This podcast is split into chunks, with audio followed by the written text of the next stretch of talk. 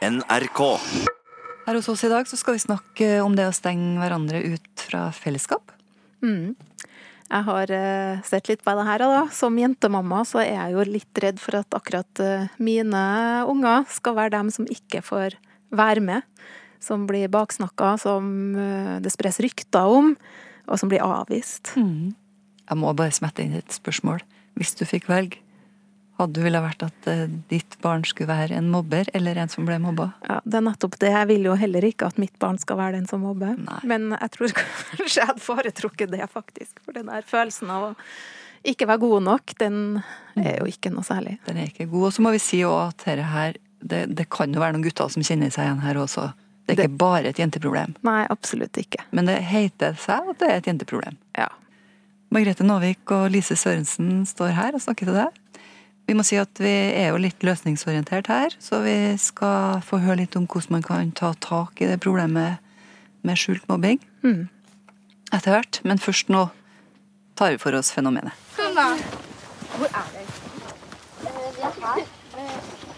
I skogen på leirskole med kart og kompass.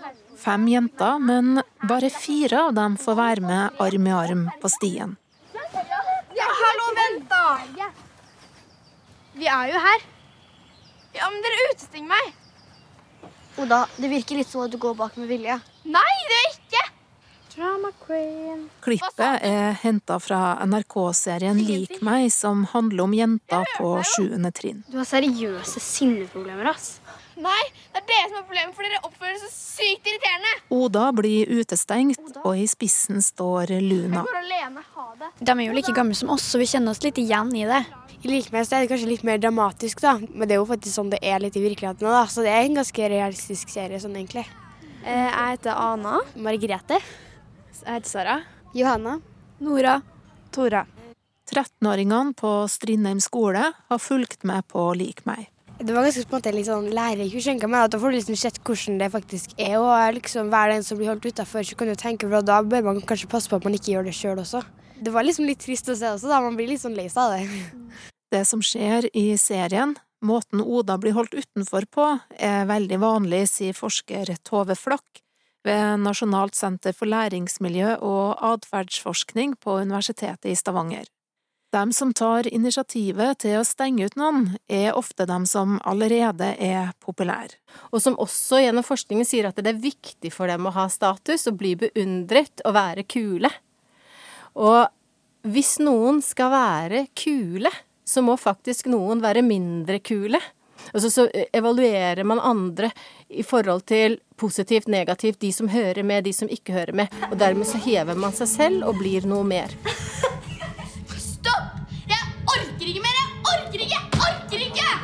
I Lik meg er det Oda som først blir frosset ut. Men det er veldig tilfeldig hvem som blir offer. Hvis man først bestemmer seg for at den og den ikke er med, så finner man noe. Har du en hump på en nese, så er det det som er feil. Eh, har du foreldre det er noe med, så er det det som er feil. Er du ikke så flink, er det det. Er du flink, så er det det, for da smisker du. Altså, man, man prøver på et vis også vi- vise for de andre at den og den ikke er eh, verdig å være med. Eh, og hvis man har en posisjon, så er det lettere å få med andre på det. Jeg håper du får et drittliv og så mye hate at du blir syk av det, så får du vite hvordan jeg har hatt det. Oda mister bestevenninna si i Lik meg på grunn av det her. Men også jenter som blir en trussel for statusen, kanskje ved å være populær hos guttene, er i faresonen for å bli utestengt. Hvis man kan få de andre med å mislike dem, baksnakke dem litt, sette ut et rykte sånn at det ikke betyr noe mer, så fortsetter jeg å holde min posisjon. Eh, og det sier forskningen igjen og igjen, at akkurat dette her drivet etter å få status eh, er viktig for å ta dette initiativet. Men hva er det som gjør at eh, det blir så viktig å ha den statusen, da? Ja, hva gjør det? Der kan jo samfunnet se seg selv litt i speilet. Det, det har jo Altså i vestlige land, og i, i Norge så absolutt, så blir det jo fremmet veldig sterkt dette her med å være best og først og kulest, og du er egentlig ingenting hvis ikke du er slankest, og du, du skal være den flinkeste gjerne i miljøer, og du skal være den peneste i miljøer, og du skal bli sett og du skal bli beundret, for hvis ikke så er du ikke noe. Alle måler seg opp mot noen som alltid er noe bedre. Så det blir så viktig verdi. Eh, og så er det jo egentlig ikke viktig. Det er ikke det som gjør eh, noen mennesker lykkelig, det å være på toppen og være først og best. Men det er nok en del av den drivkraften i forhold til eh, de som syns at dette er spesielt viktig for dem, da. Eh, vi prater om noe personlig her, så hvis du bare kunne Godt, eller ja. Selv om det ofte bare er én som tar initiativet til å stenge ut noen, er det også en del støttespillere som er med på blikking, baksnakking og som snur ryggen til den som blir definert som ukul. Det kan jo være en risk for meg, for jeg kan også havne utenfor. Og derfor så gjør jeg ingenting. Det er jo det med akkurat den alderen her at det er så utrolig viktig å, å være en del av gruppa og være akseptert. Så da blir liksom, gjør det ikke sånn som sjefen gjør, så liksom, da, da må du liksom gå vekk fra gjengen. da. Og det er jo kanskje ikke noe du har lyst til, for da blir du kanskje alene. Så man liksom sikrer seg sjøl og ikke blir alene da, når man ikke sier fra. Man føler seg utenfor, så er liksom litt sånn man eh, føler at eh, de andre de, de liker deg på en måte ikke. da. De vil ikke at du skal være med. Det er viktig å vite at man har noen å gå til, som liksom da blir lettere med skolearbeid og fritida, og at du vet liksom at du har noen, så du ikke blir alene. Jeg hater å være jente. Jeg hater det. I Lik meg får ikke Oda være sammen med jentene. Du må jo ikke henge med dem, da. Nei, heldigvis ikke. Eh, Jeg heter Ana. Margrethe. Jeg heter Sara. Johanna. Nora. Tora. Serien blir brukt på skoler for å ta tak i fenomenet som ifølge forskning er veldig utbredt. Ja, vi har ikke akkurat det beste Eller vi hadde ikke det beste jentemiljøet før. Så vi hadde noen timer sånn av og til med at eh, vi alle jentene samles, samles på et rom, og vi prata og så på Like meg og sånn.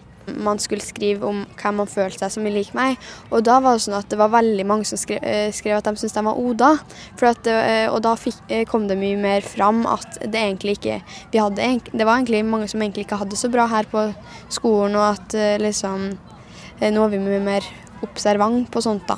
Jentegjengen i 7. trinn på Strindheim skole kjenner seg godt igjen i det som skjer i Lik meg. I første sesongen i alle fall, Lik meg, så ser man jo på en måte at Luna og dem er den, på en måte, den populære gjengen. Det er litt dumt at man skiller ut liksom dem som er populære. Og at det er liksom dem som blir ofte populære, det er liksom dem som roper høyest, de blir liksom hørt, da.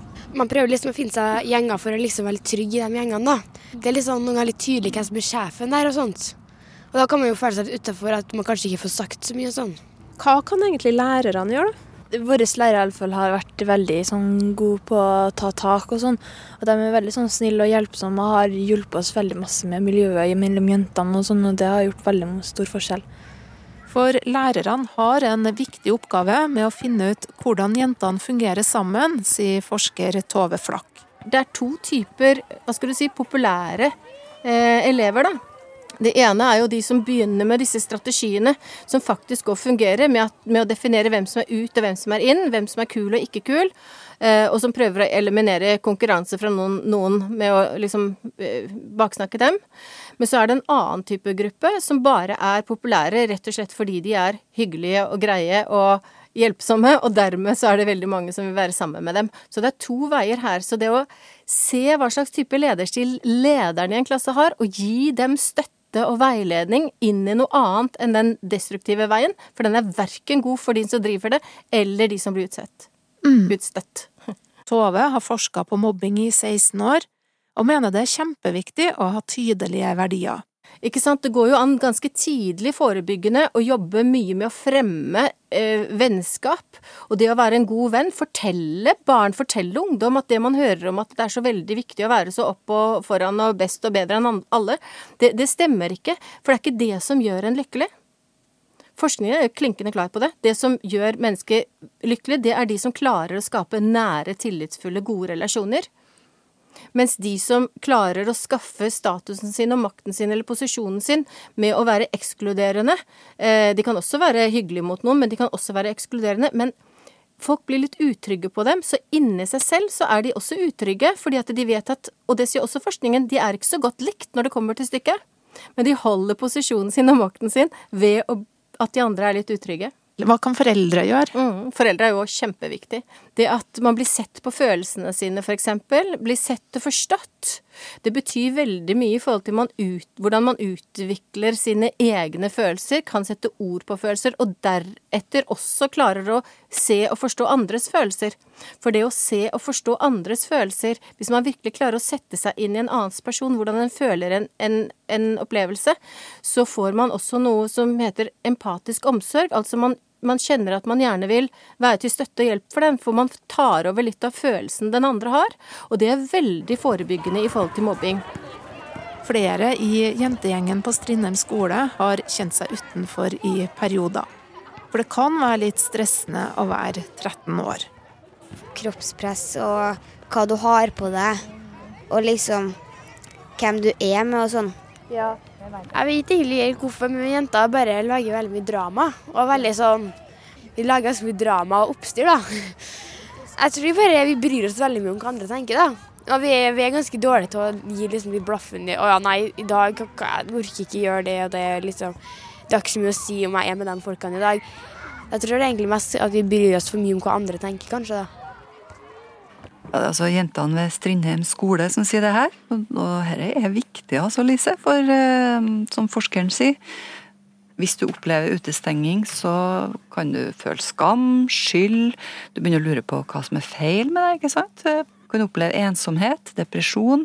Alt det her uh, kan være konsekvenser av det som kalles skjult mobbing, da, sier forskeren her. Mm, og hun har også hørt tall, da, at så mange som 40% av dem som ender i psykiatrien, har opplevd mobbing da, som barn. Akkurat. Og vi hørte jo i innslaget her òg at uh, når eh, jentene fikk spørsmål om hvem de kjente seg igjen i i denne serien, så var det hun som var utsatt for utestengning. Mm. Så det er ganske viktig å snakke om. Mm.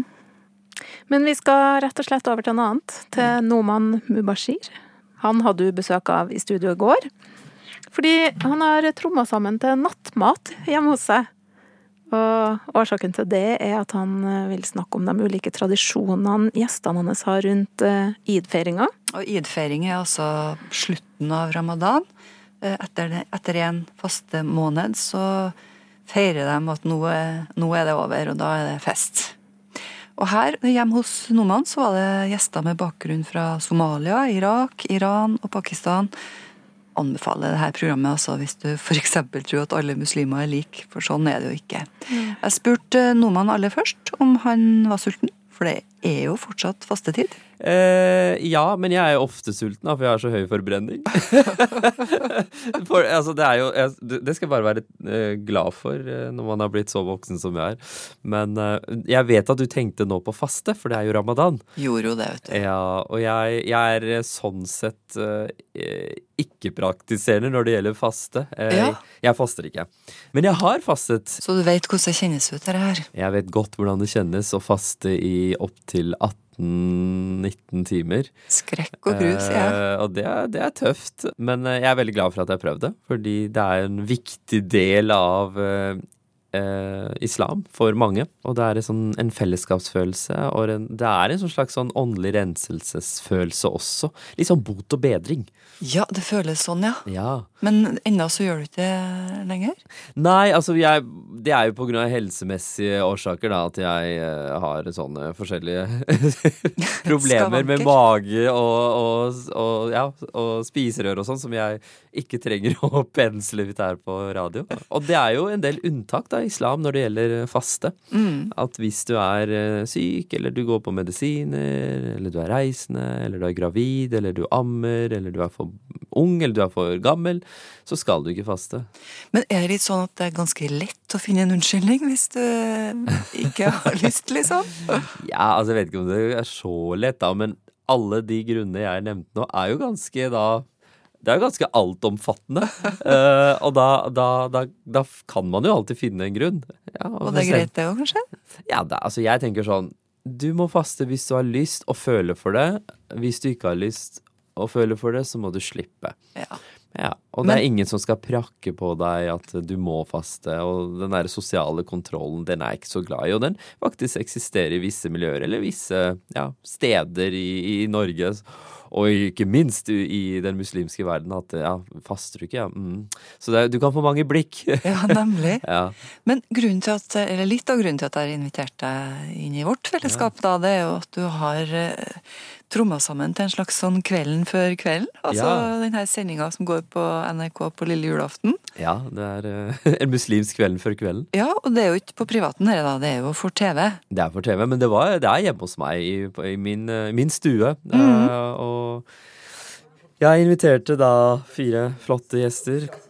En fin, fin liten bukett. Ja, du, jeg har jo fått uh, sniktitta litt. Uh, veldig god stemning rundt bordet. Vi kan spille av et lite klipp. Ja. Og så blødde neseblod en gang, og så kom jeg hjem og så fikk jeg vite den dagen at hvis du blør under fasten, så er fasten avbrutt. Og det er sånn Er det så lett, liksom? Og så var det sånn mye selvskading resten av ramadan. Ja, det her er Junis Josef som forteller om smutthullene i ramadan. Du kan f.eks. spise hvis du blør, eller hvis du må reise mer enn 22 km. Og da er det jo bare å kjøre seg en tur inn til Oslo. Ja. Ja. Det er kanskje litt sånn at vi tror eh, at vi som ikke faster, da, vi som ikke er muslimer, tror at muslimene er så prektige og ordentlige. Ja, jeg tror det, jeg tror det inntrykket av at, eh, at muslimer er så prektige og, og, og fromme og rettskaffende og strenge, eh, stemmer ikke i det hele tatt. Det finnes alle mulige typer muslimer der ute. Men jeg får inntrykk av at uansett kultur, så er det her med fellesskap veldig sentralt da, under id, og det virker som at id er mye større enn julaften, sånn sosialt. Ja, altså Jeg har jo feiret id i Pakistan, altså mitt eh, fedreland.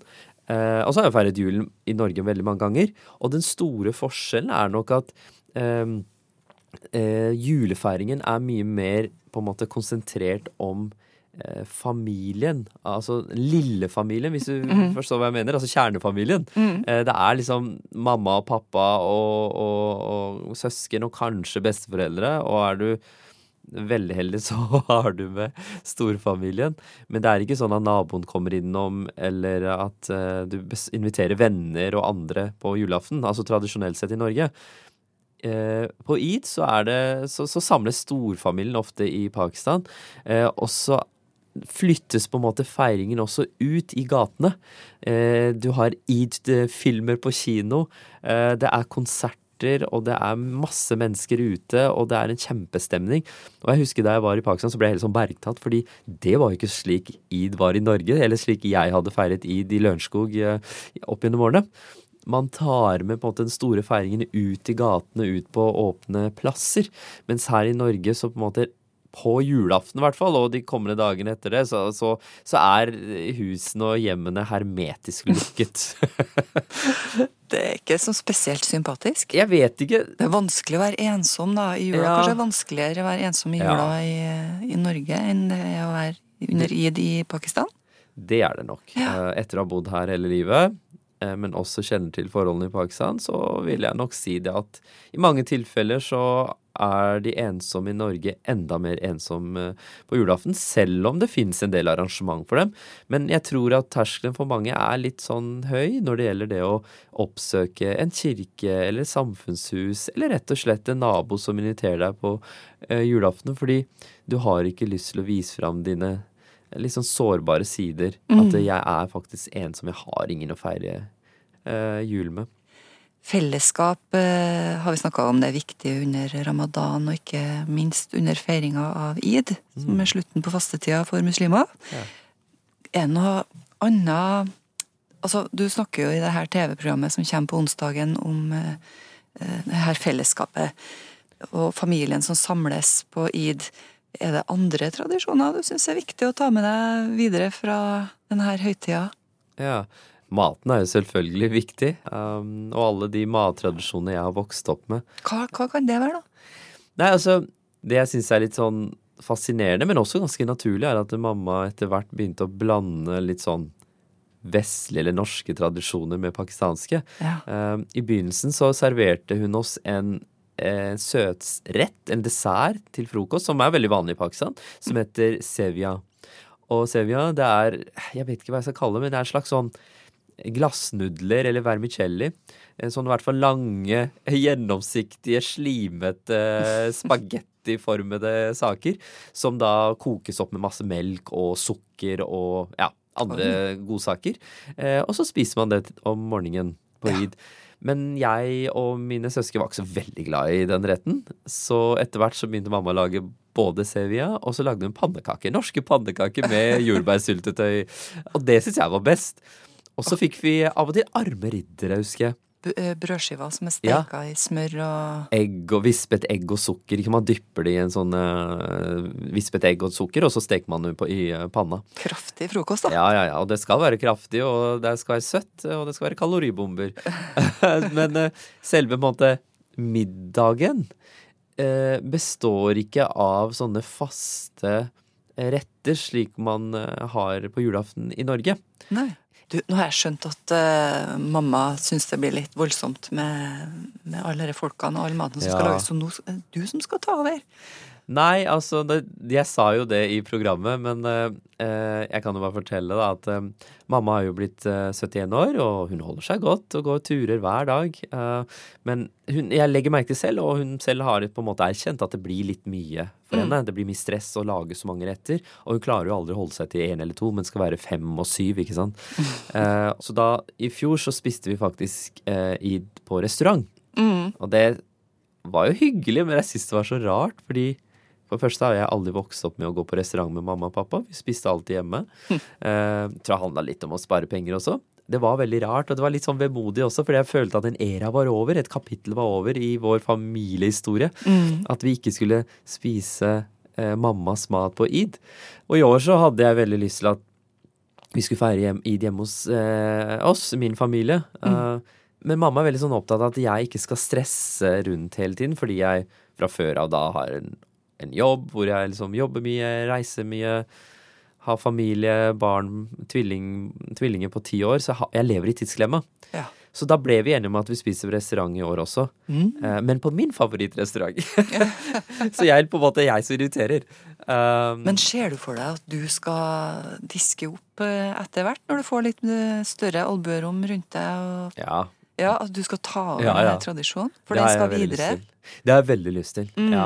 Eh, jeg kan lage noe pakistansk mat, men jeg skal faktisk Jeg har laget, skrevet en del oppskrifter jeg liker, som jeg tenker at de skal jeg øve på, og så neste år eh, Da er det min tur. Men hva kan du godt leve uten, da, av de her tradisjonene? Hva vil du ikke ta med deg videre av det du Ja. har i sekken? Jeg tenker at man eh, skal slappe litt mer av. Jeg syns det er for mye stress Mm. på både id og på julaften. Det er så mange tradisjoner, og det er så mye som skal ordnes og fikses. Og det er fint med tradisjoner, men jeg tenker at vi sitter jo blant våre egne. Og de skal jo ikke på en måte eh, Du skal jo ikke være gjennom noe test overfor dem. Akkurat. Eh, Så jeg tenker at slapp av og sett dere ned i sofaen og spis eh, kjøtt, pakistanske kjøttkaker og potetkaker og store kongelige risretter. Eh, men ikke stress så mye, på en måte. Ja, altså, det er jo noe som heter julestria, noe som heter id-stria òg. eller? det gjør det helt sikkert. Det burde Men, eller, det. eller så bare finner vi på noe. Det heter idstria. Det er nytt ord. Hashtag idstria.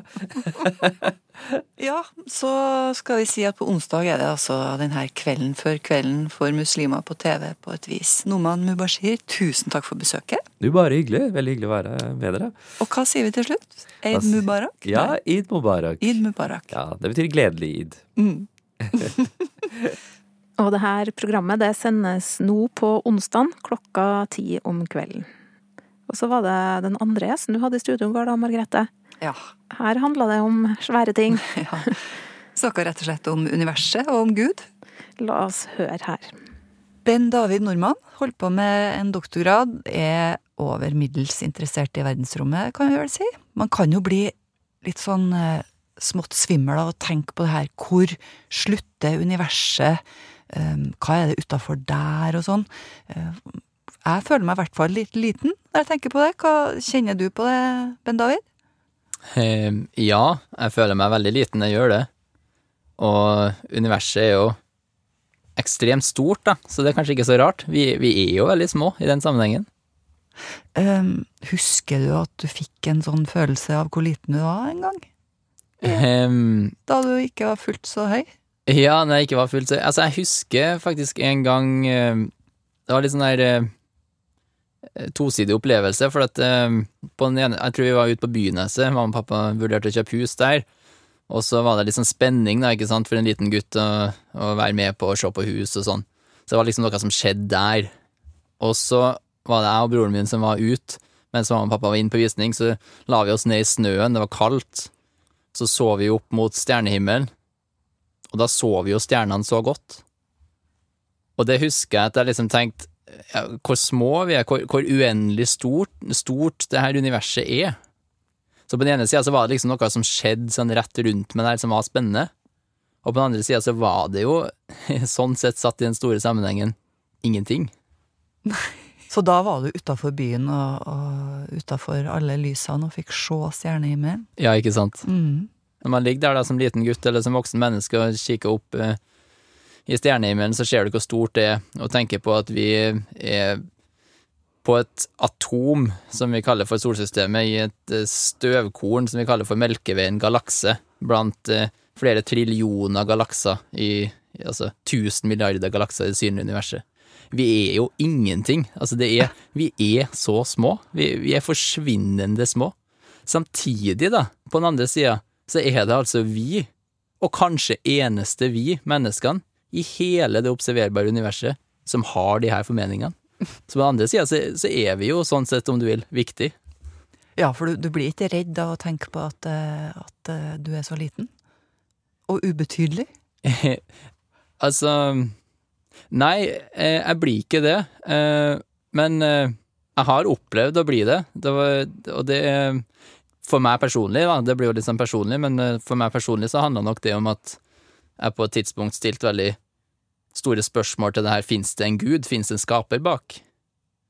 Og i tankeprosessen rundt at nei, kanskje det ikke gjør det, så kjente jeg på en sånn der veldig følelse av ensomhet og å være forlatt i på en, et støvkorn i et uendelig stort eh, ja, kosmos. Hva skal jeg holde meg fast i nå, liksom? Akkurat det. Hva skal jeg holde meg fast i nå? Ja. Hvorfor, lurer du på? Hvordan universet utvider seg? Ja, hvorfor lurer jeg på det?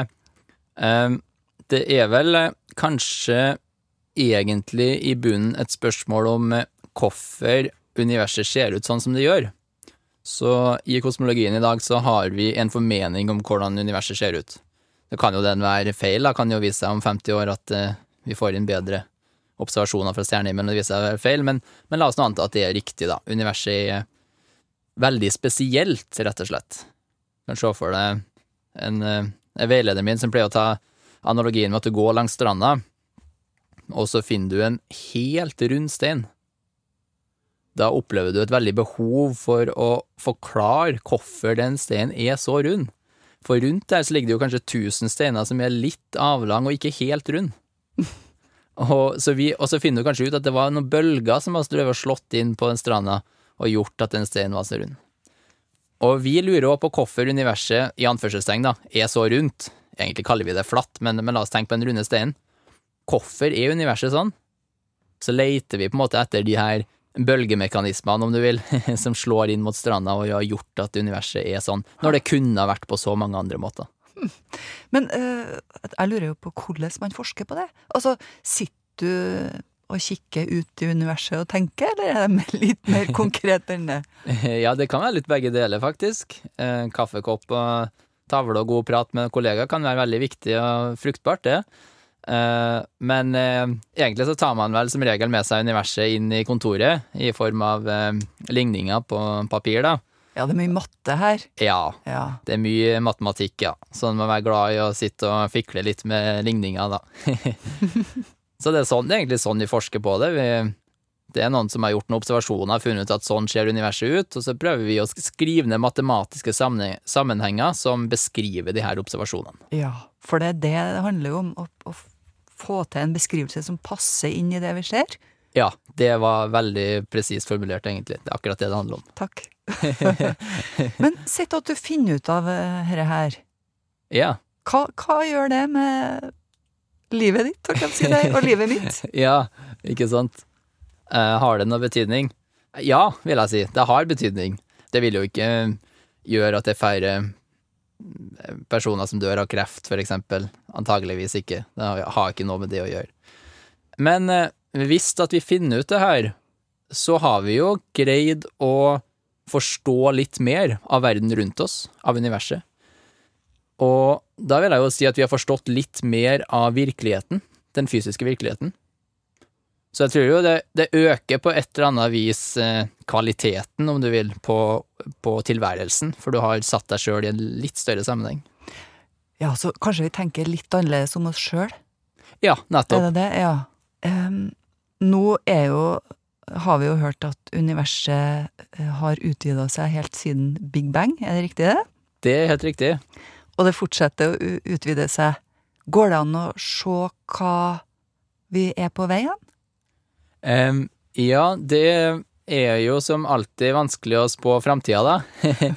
Også i universet? Også for universet. Um, og faktisk så tok eh, kosmologene veldig feil for noen tiår siden. Man trodde at universet bremsa. Man trodde at det utvida seg saktere og saktere.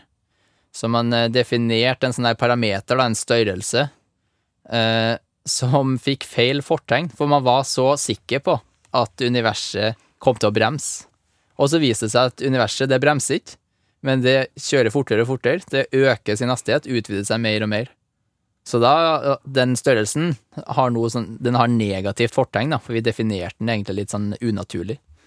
Så vi har tatt feil før. Vi trodde universet bremsa, og så viste det seg at det ekspanderer fortere og fortere. Så hva som skjer i framtida, det er nok vanskelig å si. Vi vet egentlig veldig lite. Vi vet veldig lite, vi gjør det. Jeg husker det var en som sa, eh, som jeg intervjua en gang, som sa det at hvis du stikker en nål ned i havet, så tar du opp nåla, og det vannet som er på den nåla, det er det vi har forstått. Nettopp, ja. Blir du litt motløs noen gang? Nei, det er jo spennende. Ja, Heldigvis så forstår ikke vi alt, så kan vi jo fortsette å forske litt. Men kanskje du tar helt feil? Ja, absolutt. Ja. Det, det, er klart, der er det jo naturen som er dommer, skal jeg si. Vi, vi observerer, putter teleskop opp mot himmelen og observerer. Og så prøver vi å tolke de observasjonene. Og i den grad at vi tolker riktig, så kan vi si at eh, universet er sånn, og med det så mener vi at vi har funnet en beskrivelse som beskriver de observasjonene som vi mm. ser, da. Men du snakka tidligere her om at, uh, at, du tror det er en gud som står bak den uh, første bevegelsen. Ja. Uh, Big Bang, for eksempel. Hvilken rolle har Gud nå, da, i dette her? Ja. Man, man vil jo ha det til at Gud har blitt skjøvet ut av vår menneskelige opplevelse av tilværelsen, men at Gud sånn sett har blitt et tomt konsept, for vi trenger ikke Gud lenger, vitenskapen har tatt Guds plass, så liksom God of the gaps. Eh, men det er ikke en sånn Gud jeg tror på, jeg tror på en Gud som satte i gang det hele. Men mer enn det, ikke bare at den står, om du vil, før universet i tid, hva det nå skulle bety, men at den står bakenfor universet på alle vis. Og med det så mener jeg å si at det er han som opprettholder universet. Kanskje kan man tenke litt på det som at eh, jeg kan jo lage meg et univers i tanken min. Like godt å sitte og dagdrømme litt. Så kan jeg en, eh, lage meg en univers med noen skapninger og sånn. Og når jeg slutter å tenke på det, så eksisterer ikke det universet lenger. Det universet eksisterte bare i tanken min. Om det, hvor langt den analogien går, vet jeg ikke, men litt sånn med Gud òg at vi eksisterer fordi Gud ønsker det. Det er Han som har frembringt oss, om du vil, i sin fantasi, eller i sin tanke, da. Så det gjelder at han ikke slutter å tenke på oss, da? Heldigvis så tror jeg Gud er såpass glad i oss at han eh, tenker på oss, og han har i hvert fall tenkt på oss frem til i dag, og derfor er universet opprettholdt sånn som det. Så det var ikke sånn at han bare satte i gang den første bevegelsen, lener seg tilbake, og så bare går resten av seg sjøl? Nei, jeg tror nok han har øh, Og det er jo litt tilbake til det med første Mosebok. Der ser en liksom hvordan Gud setter ting i funksjon. De var veldig opptatt av det den gangen. Øh, hvordan ting var satt i funksjon, og at mennesket sto over dyrene, og litt sånn forskjellige ting. Og der ser en også, hvis en leser litt videre utover, at Gud han hviler, står det på den syvende dagen.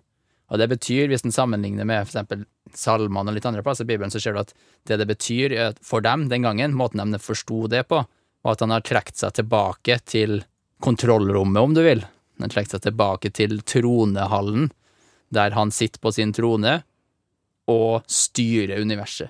Men det er en aktiv rolle. Ikke sant? Du kan si for en konge som styrer um, et rike, så er det en aktiv rolle, selv om det ikke er han som gjør alt. Han sender ut sine krigere og sine tjenere og sånn, men det er fordi han har gitt dem forskjellige funksjoner. Så det er han som har satt i gang, og hvis han eh, velger å slutte, så gjør han det, men, eh, men det er en aktiv rolle han har, da. Får litt sånn dataspillassosiasjoner, da. Ja, ja, det er mange filosofer som eh, forsøker å sammenligne tilværelsen med et dataspill, det er sant det? Mm. Jeg må si at uh, Ben David Nordmann, han har altså fått en, uh, en pris, og nå skal vi høre uh, de fire minuttene som Ben David Nordmann fremførte i Forsker Grand Prix i 2018. Husker du forrige gang du var ute en mørk kveld og løfta blikket mot stjerneteppet så uendelig over deg, med stjerner og galakser så langt øyet kan sjå. Oi, sjå, stjerneskudd. Hvor er vi hen? Og hvorfor ser stjerneteppet sånn ut? Og det er spørsmål som menneskeheten har latt seg undre av gjennom alle tider, før deg og før meg. Ta Newton som eksempel, da. Han forsto det, at på samme måte som eplet detter mot bakken når jeg slipper det her på jorda, sånn er det at planetene detter inn mot sola på stjernehimmelen. Og hans undring leder til matematiske ligninger som beskriver hele solsystemet som jeg og du bor i. Og uten Newton sine ligninger så hadde vi aldri kommet oss til månen i rakett. Siden kom Einstein og lot seg fascinere. Oi. Ved hans grubling så fant vi ligninger som beskriver hele stjerneteppet, hele universet som vi ser rundt oss i dag. Og hadde det ikke vært for Einstein sine ligninger, så hadde ikke GPS-klokka di fungert. Jeg har òg stått ute her, mørke kvelder, og latt meg fascinere av det her stjerneteppet. Og derfor er det jeg i dag i min forskning jobber med å finne nye løsninger til Einsteins ligninger. Det betyr at det fantastiske stjerneteppet. Det ser for meg ut som et ark med ligninger. Og det kan være du blir litt redd av å tenke på et ark med ligninger, men vet du hva, jeg liker det, jeg digger det, for det er mine ligninger, det er mitt arbeid. Først så satt jeg et år og svetta og strevde bare for å skrive ned de rette ligningene. Og når jeg endelig hadde de rette ligningene, så fulgte arbeidet med å løse de her ligningene. Ja, for ligningene mine, de har ikke bare én, men mange løsninger. Og det er litt vanskelig å forstå, så la oss ta et eksempel. Hvis jeg sier at x ganger x er lik fire, hva er da x? Ja, kanskje tenker du umiddelbart at x er to. Og det er en riktig løsning, men tenk du på at minus to en like god løsning, for minus to ganger minus to, det er òg fire. Mitt ligningssystem, det har ikke bare to riktige løsninger, men mange riktige løsninger. Einstein sine ligninger, tatt i samsvar med observasjoner av stjernehimmelen. De avslører det at alt vi ser rundt oss i dag, en gang var samla i et punkt, det var lite som et atom, før det bang på brøkdelen av et sekund utvida seg til å bli på størrelse med et eple, og deretter brukt sånn cirka 14 milliarder år til å bli til hele den herligheten vi ser rundt oss på stjerneteppet i dag. Men eh, hvordan skjedde det? Det er det jeg prøver å finne svar på i min forskning. Og ifølge standardkosmologi, altså den allment aksepterte læren om kosmos, så skjedde det på følgende måte, litt som at en rund ballong utvider seg når du blæser den opp.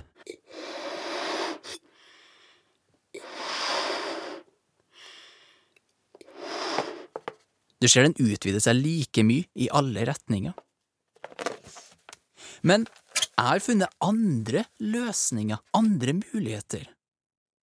I barnebursdag har du kanskje lagt merke til at det også finnes avlange ballonger. Og ifølge noen av de løsningene som jeg har funnet, så kunne universet ha utvida seg som en avlang ballong, altså mer i én retning enn i andre retninger. Og det her er noen løsninger som jeg har funnet, og så har du standardløsninger i tillegg, og i tillegg til alt det her, så har andre forskere funnet enda flere løsninger av ligningene. Og alle løsningene er jo like riktig, som vi har sett. Så derfor så trenger vi et svar. Hvorfor skal det være akkurat standardmodellballongen som er riktig? Standardmodellen sitt eget svar på det har lenge vært at eh, det er nå i hvert fall bare sånn. Men jeg synes ikke det er noe god forskning av å si at det, det bare er sånn. Så derfor så prøver jeg i min forskning å finne ut hvorfor det er sånn, hvis det er sånn.